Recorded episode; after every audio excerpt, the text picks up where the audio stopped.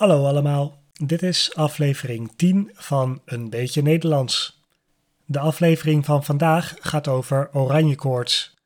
Je kan de tekst van de aflevering meelezen op de website van de podcast www.eenbeetjenederlands.nl. Voordat ik begin met de podcast, eerst even een aankondiging. Dit is aflevering 10 en daarmee komt het eerste seizoen van deze podcast tot een einde. Dat betekent dat ik een korte pauze ga inlassen en ik de komende tijd ga genieten van een vakantie. De podcast gaat met zomerstop en de komende weken zullen er dus geen nieuwe aflevering uitkomen.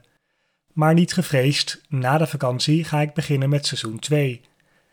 Ik kan de vakantie ook mooi gebruiken om na te denken over wat ik anders ga doen in seizoen 2.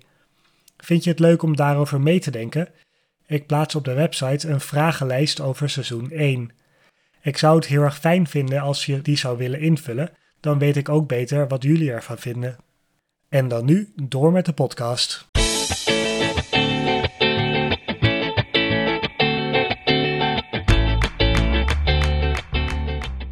Als kind was ik echt dol op voetbal. Ik las veel voetbalboekjes en keek ook vaak voetbal op tv. Bijna iedere dag ging ik na school voetballen op straat. In mijn eentje of met anderen maakte me niet uit. Ik ging dan een beetje hoog houden of op een veldje voetballen. Ik hoopte stiekem dat ik ontdekt zou worden door een scout die toevallig langs zou komen en ik dan de nieuwe Johan Cruijff of Marco van Basten zou worden. Helaas heeft die scout me nooit gespot en ben ik zelf geen voetballer geworden. Ik kan me vooral het EK 2000 nog goed herinneren. Ik was toen tien jaar oud en ik denk dat ik als voetbalfan op mijn hoogtepunt was. Het EK 2000 werd georganiseerd in Nederland en België, een thuiswedstrijd dus. Ik keek echt enorm uit naar de start van het toernooi. Ik kon aan bijna niks anders denken. Ik had er veel vertrouwen in dat het Nederlands elftal het goed ging doen en dat deden ze ook. De eerste vier wedstrijden werden gewonnen. Toen stonden ze in de halve finale tegen Italië. Ik mocht de wedstrijd eigenlijk niet kijken van mijn ouders omdat ik straf had gekregen ergens voor. Maar op het laatste moment mocht ik toch kijken. Nederland was beter dan Italië in deze wedstrijd. Ze kregen zelfs twee keer een penalty, maar die misten ze allebei. Uiteindelijk eindigde de wedstrijd in een gelijkspel en moesten er penalties genomen worden om te beslissen wie de wedstrijd zou winnen. Nederland miste in een penaltyreeks ook nog eens drie penalties en Nederland was uitgeschakeld. Ik was zo teleurgesteld, maar het was wel mijn eerste echte aanraking met oranje koorts.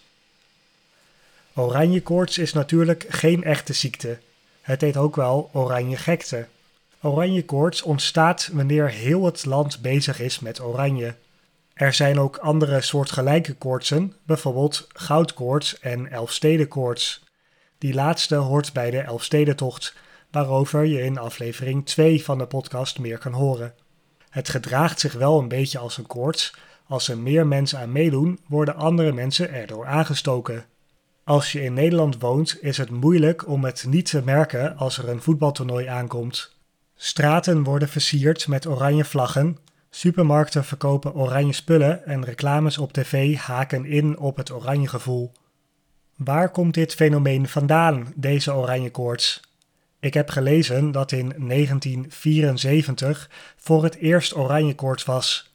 In dat jaar werden er wereldkampioenschappen voetbal gespeeld in West-Duitsland. Omdat het toernooi zo dicht bij Nederland gehouden werd, gingen er bij iedere wedstrijd van Nederland tienduizenden mensen de wedstrijd bekijken in het stadion.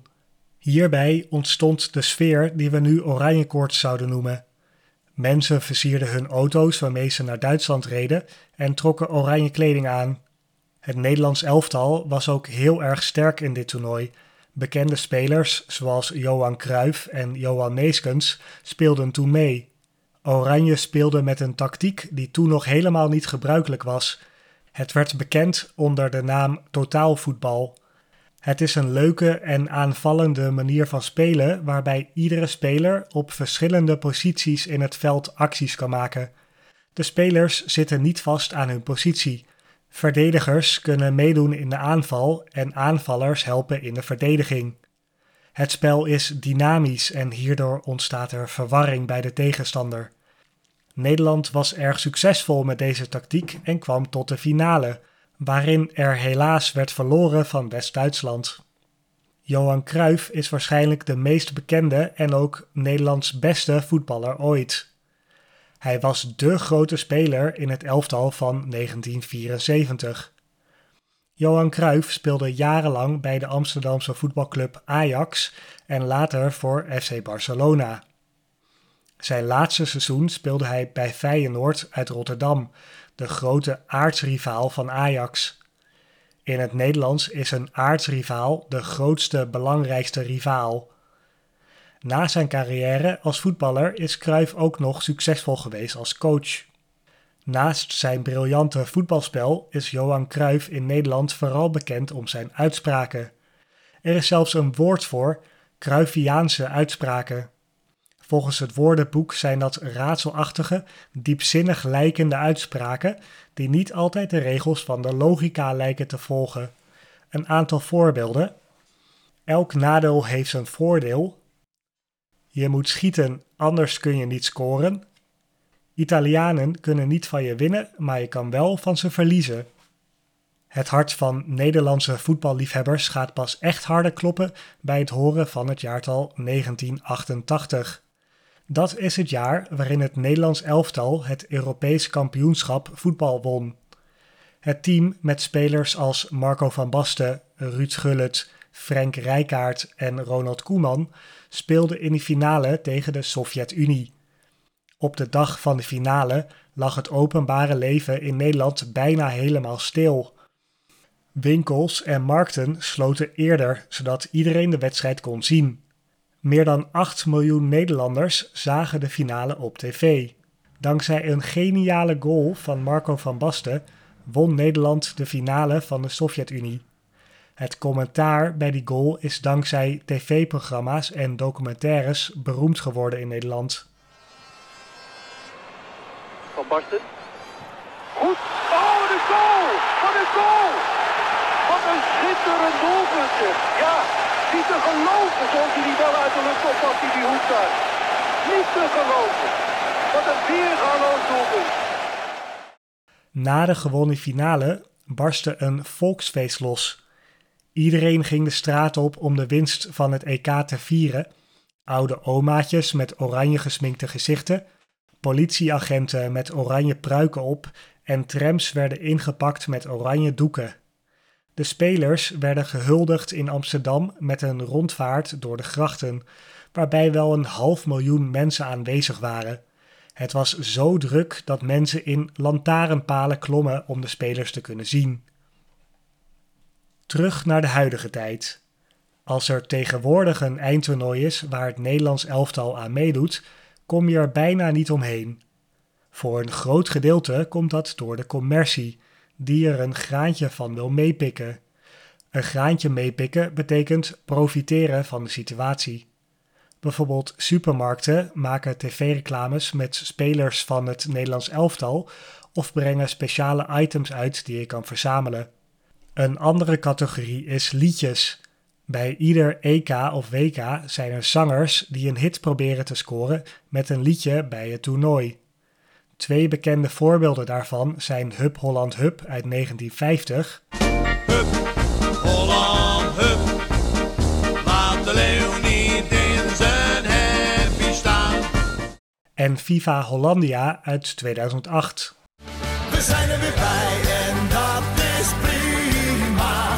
Viva Hollandia. Van 11 juni tot en met 11 juli 2021 is het EK 2021, waar ook Nederland op speelt. Dit jaar wordt het EK in 11 landen gehouden. Er zijn ook vier wedstrijden in Amsterdam. De laatste keer dat Nederland op een eindtoernooi speelde was in 2014. Dus je zou zeggen dat er extra veel oranje koorts zou zijn dit jaar. Toch lijkt het moeizaam op gang te komen dit jaar. Maar wie weet, misschien als Oranje het goed doet op het EK, dat het vanzelf meer en meer zichtbaar wordt. Er wordt wel eens gezegd dat iedereen in Nederland een mening heeft over het Nederlands elftal, dat Nederland 17 miljoen bondscoaches heeft. Maar uiteindelijk zullen de spelers van bondscoach Frank de Boer het moeten gaan doen. Gaan we weer zo'n spektakel als in 1988 krijgen? Op het moment dat ik deze podcast opneem is het EK pas net begonnen, dus dat weet ik nog niet. Laten we het hopen. Er is een uitdrukking in het Nederlands: de bal is rond. Dat betekent dat alles kan gebeuren. En daarmee kom ik aan het einde van deze aflevering. Zoals ik aan het begin van de podcast al zei, dit is de laatste aflevering van dit seizoen. De podcast gaat de zomerstop in en daarna ben ik weer terug met nieuwe aflevering. Dus blijf geabonneerd. Heb je een goed idee voor de podcast of wil je een aflevering horen over een bepaald onderwerp? Laat het me dan weten op de website van de podcast www.eenbeetjenederlands.nl. En zoals ik zei, kan je op de website een vragenlijst invullen. Ik zou het heel fijn vinden als je dat zou doen. Ik wens jullie allemaal een fijne zomer en tot binnenkort.